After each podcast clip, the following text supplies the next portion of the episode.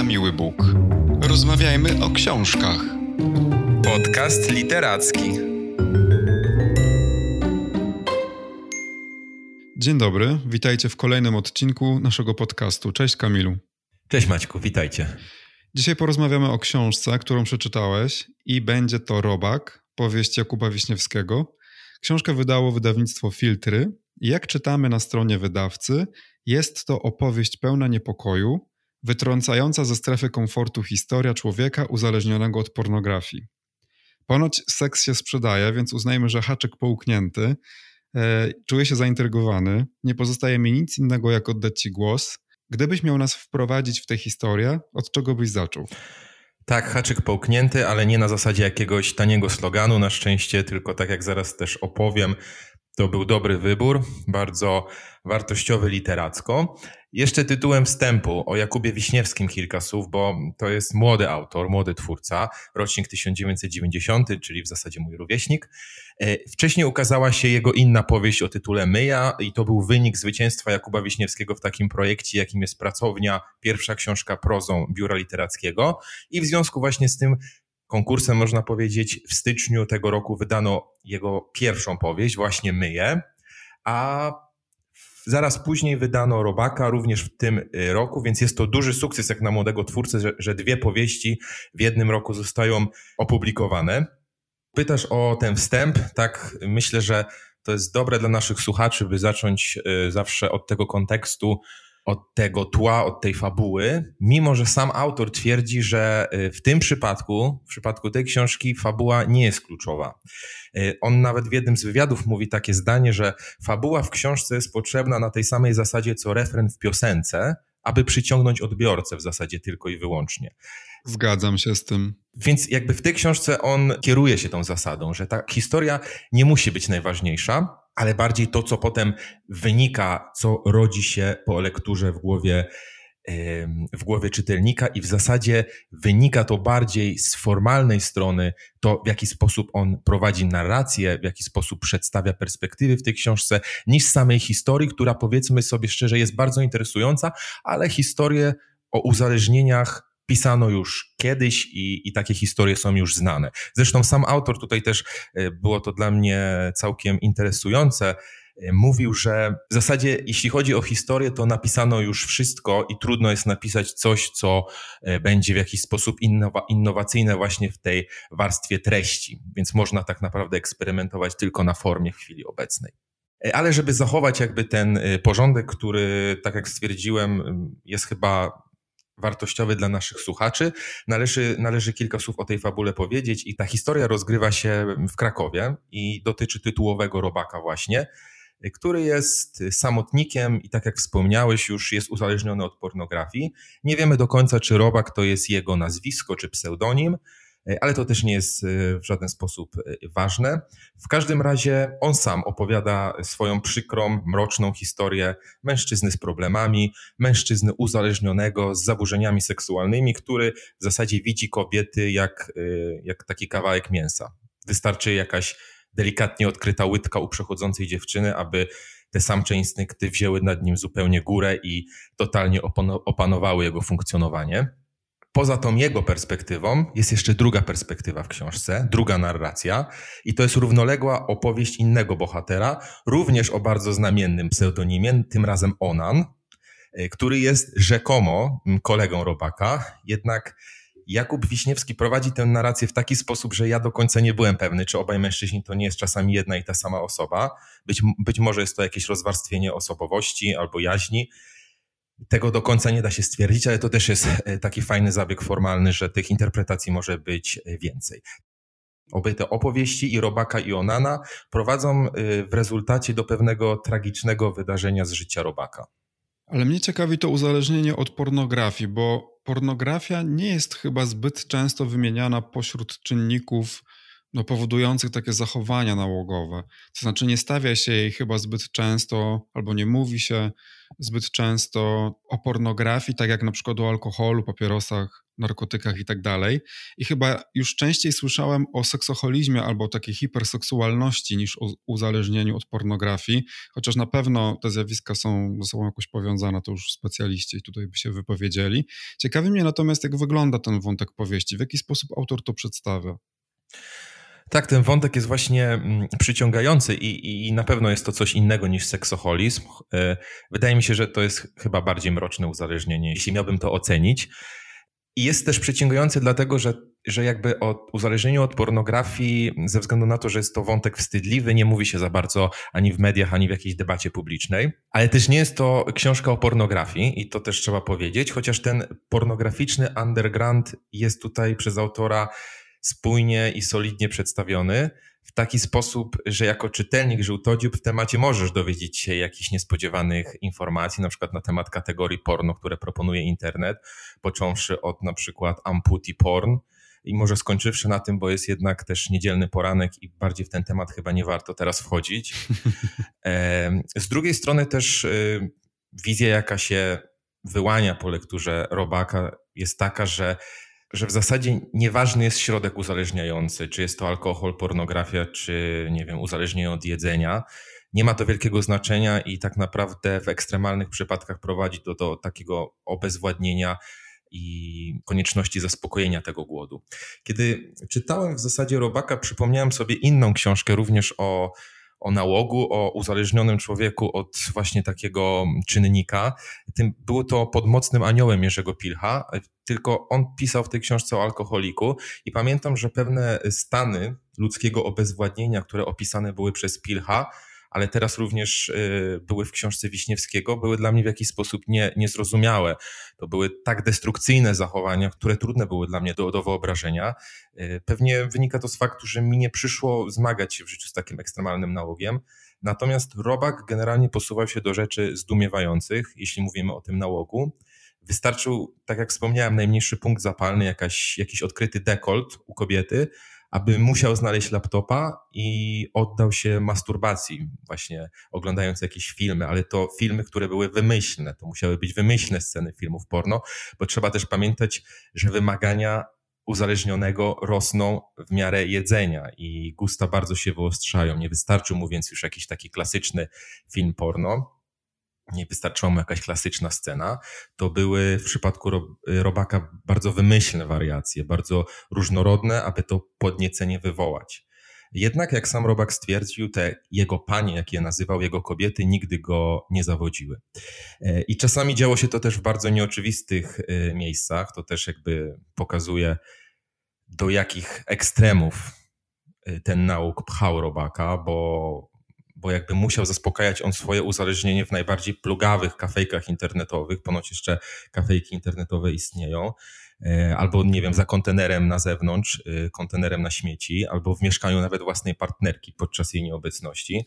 Także to jest bardzo smutny obraz uzależnienia, e, psującego w zasadzie każdy obszar ludzkiego funkcjonowania, tym przede wszystkim obszar, umiejętność w zasadzie obcowania z drugą osobą, w tym też obcowania cielesnego, co tutaj ma bardzo duże znaczenie. I takie sceny buchają z robaka. Wydaje się jednak, że Jakub Wiśniewski, przekazując taką wizję, nie ma na myśli tak naprawdę tylko swojego bohatera.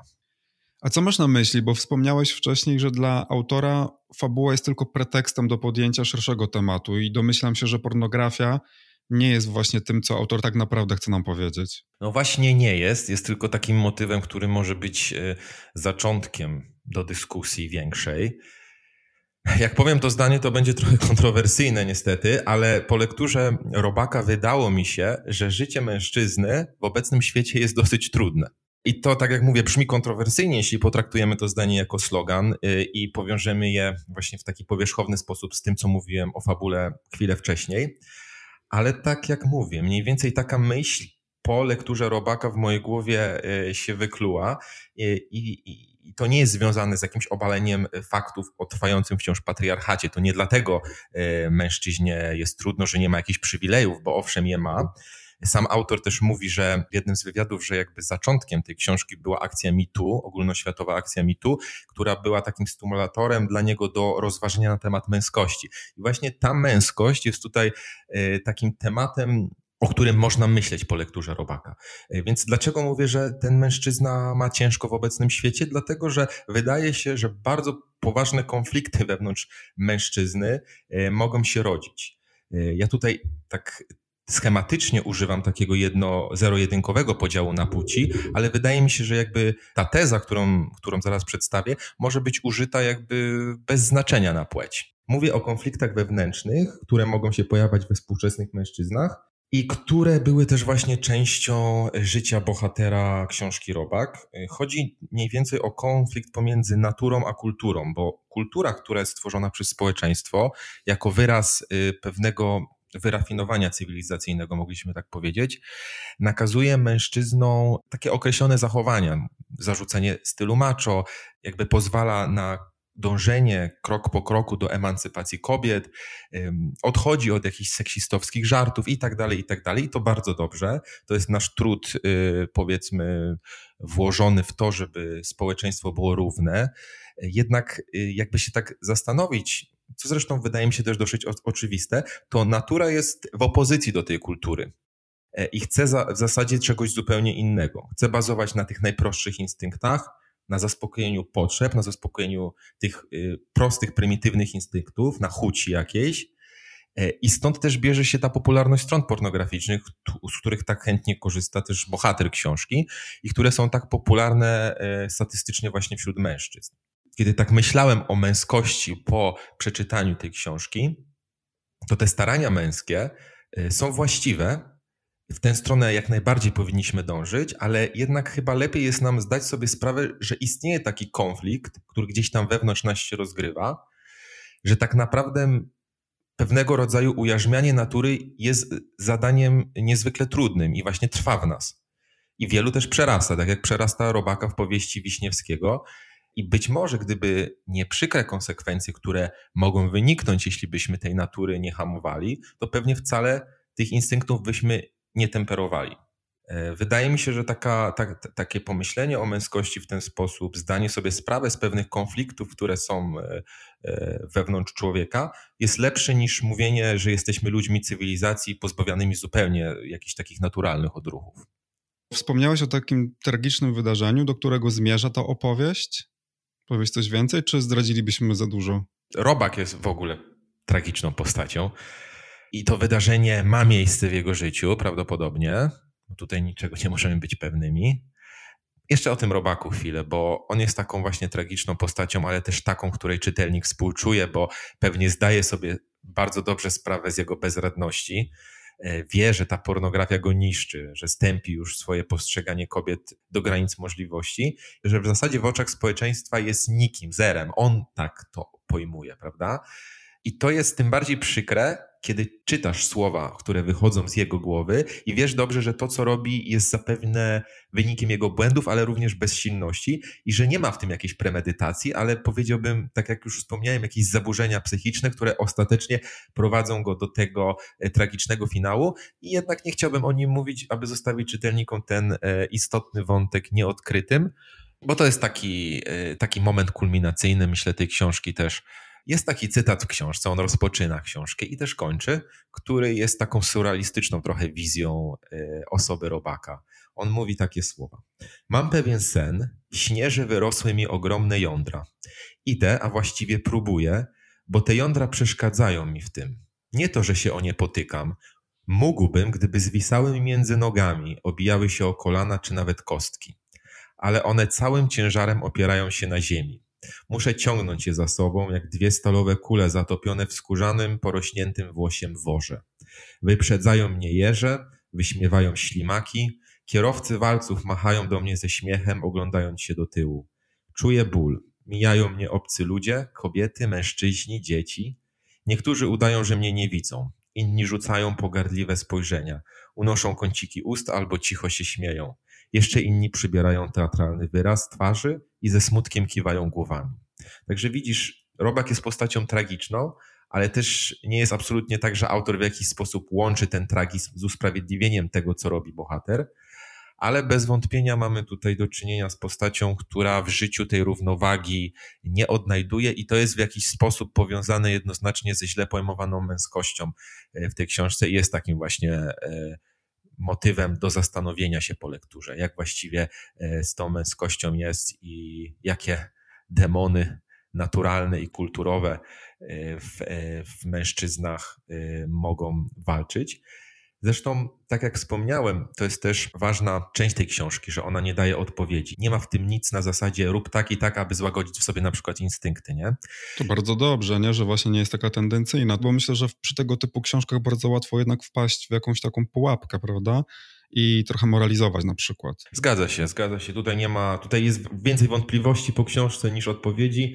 Dzięki temu on w, taki, w takim właśnie temacie, który ma predyspozycję do tego, by być przedstawiony w tendencyjny sposób, wcale w taki sposób przedstawiony nie jest. To jest bardzo trudne, a, a tutaj jednak y, tej odpowiedzi i jednoznacznej oceny nie ma.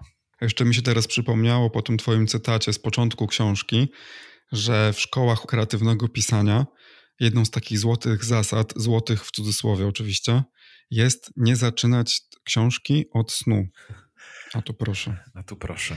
Natomiast mówiłeś też o nieoczywistej narracji, jak już jesteśmy przy takich warsztatowych sprawach. Wspomniałeś, że, że sprzyja ona różnym interpretacjom, nawet w tak błahej kwestii jak liczba bohaterów. Czy Robak jest formalnie książką eksperymentalną, Twoim zdaniem? Eksperymentalne to takie za duże słowo, bo to się wiąże z jakąś znaczną innowacją. E, po tym fragmencie mogłeś pewnie stwierdzić, że jakiejś wielkiej innowacji w języku nie ma, aczkolwiek nie jest to absolutnie historia podana wprost na talerzu czytelnikowi. E, właśnie za sprawą tej narracji. To jest e, wielkie szczęście tej książki, że coś takiego jak ta nieoczywista narracja tutaj się pojawia. Ona sprowadza czytelnika na manowce, bo myślisz, że masz już wszystko poukładane w głowie i przełożone na rzeczywistość, a nagle coś wydaje ci się nie pasować. To się wiąże z tym, co mówiłem, czyli z tym, że przeplatają się te relacje Robaka i Onana, którzy według jed słów jednego z nich są kolegami. E, I może tak właśnie jest, ale też istnieje szansa e, na moją czytelniczą intuicję, że Robak i Onan to są właśnie dwie osobowości tej samej osoby, albo na przykład dwa głosy tej samej głowy, gdzie jeden głos opisuje rzeczywistość bardziej rzeczowo i wiernie, a drugi głos jest bardziej życzeniowy. Mówi to, co chciałby, żeby się wydarzyło, usprawiedliwia to w jakiś sposób. Może jest to taki, nie wiem, reprezentant systemu obronnego psychiki, które występuje u każdego z nas, i tu bym upatrywał to w słowach czy w narracji Onana. Istnieje też w formie narracyjnej coś takiego jak narrator niepewny, niesolidny, który celowo jest wprowadzony przez autora i celowo wprowadza czytelnika w błąd. E, I o tym bardzo ciekawie opowiada właśnie Jakub Wiśniewski w swoim wywiadzie dla polskiego Wołga, co by się w sumie zgadzało z tym moim założeniem, że jeden z tych e, głosów może być właśnie nie do końca pewny i może być takim reprezentantem życzeniowym, nierealnym, który właśnie reprezentuje psychikę taką broniącą się, system obronny naszej psychiki, można powiedzieć. Także w tym y, robaku można trochę interpretacyjnie pokombinować i to uważam za fantastyczne i takie stymulujące doświadczenie y, i uzyskanie, i uzyskane właśnie przede wszystkim za pomocą formy, bo te historie można byłoby napisać właśnie z jednej perspektywy, a jednak mamy tutaj taką wrzutkę, która nam narracyjnie mąci wszystko. Mhm, ja bardzo lubię tego niewiarygodnego narratora, bo to jest trochę takie, to takie pogrywanie z czytelnikiem. E, kojarzy mi się akurat książka Dziewczyna z pociągu, to taka proza gatunkowa i tam też właśnie bohaterka, narratorka jest właśnie taką narratorką niewiarygodną. Bardzo szybko się okazuje, że nie można jej wierzyć. Ja tę książkę właśnie czytałem tylko i wyłącznie ze względów warsztatowych, bo mnie właśnie bardzo interesowała taka postać e, narratorki, która nie do końca mówi prawdę i która właściwie okłamuje czytelnika, czytelniczkę. To było bardzo ciekawe, ale jak mówiłeś jeszcze o Robaku i Onanie, to mi się skojarzył film Podziemny Krąg, czyli właśnie też taka gra dwóch bohaterów, dwóch postaci. E, na początku nam się wydaje, że to są dwie różne postaci, później się właściwie okazuje, ty mówiłeś o tym rozdwojeniu jaźni jakby, ale też, że ta druga postać właściwie może być takim uosobieniem ego tego głównego bohatera. Ja jeszcze jestem ciekaw e, języka, którego autor używa do mówienia o pornografii. Dałeś nam jakąś próbkę e, tego początku, ale w jaki sposób e, Wiśniewski opowiada o uzależnieniu od pornografii. To jest taki język, jakbyśmy oczekiwali właśnie, że bezpośredni, bardzo współczesny, sprośny na przykład, czy jak to wygląda? Ja w tym języku nie doszukiwałbym się jakichś innowacji. Jest tam trochę takich zabiegów stylistycznych, yy, zapożyczeń z innych tekstów kultury, też również z piosenek, z muzyki, ze znanych tekstów popkulturowych, yy, ale adekwatnie do tematu język jest często bardzo bezpośredni i wulgarny, więc, yy, więc jakby jest dosyć różnorodnie, ale myślę, że językowo jest to taki dosyć oczywisty poziom. Mhm. A niedługo będziemy podsumować rok i jestem bardzo ciekawy, czy ta książka znajdzie się w Twojej czołówce. Powiem Ci, że będzie to jedna z moich ulubionych książek tego roku. Myślę, że bez wątpienia został nam tylko grudzień na czytanie, więc pewnie się już nic nie zmieni. Mam takie wrażenie, że ta książka trochę odblokowała pewne postrzeganie formy w literaturze przeze mnie. To jest dobre, bo ty zawsze zwracałeś uwagę na, na potencjał formy. Ja zawsze byłem bardziej wierny treści mhm. i nadal będę. Natomiast widzę teraz, jak wiele można tą formą ugrać i jak bardzo szeroki jeszcze zakres możliwości autorzy mają właśnie w formie, a nie w treści. Więc myślę, że to z wiekiem przychodzi, bo już tyle tych historii przeczytałeś, tyle już y, pewnych schematów zobaczyłeś, że, no, że jest jakiś limit, prawda? A forma zawsze może być jeszcze inna. Zawsze jeszcze z innego kąta możemy popatrzeć i z innej perspektywy coś opisać. Dlatego, dlatego tutaj Robak tak troszeczkę zwrócił na to moją uwagę i będzie to książka, którą na pewno w tym zestawieniu końcoworocznym polecę naszym, e, naszym słuchaczom. Już teraz zresztą polecam i tobie też. Dobrze, ja tylko doprecyzuję, że gdy mówiłem o formie, to właśnie miałem głównie na myśli język. E, dlatego też pytałem właśnie, jakim językiem jest napisana ta książka, bo mnie to zawsze bardzo interesuje. E, Kamilu, dziękuję Ci bardzo za to, że opowiedziałeś nam dzisiaj o robaku, a z Wami słyszymy się już za dwa tygodnie. Dziękuję, do usłyszenia.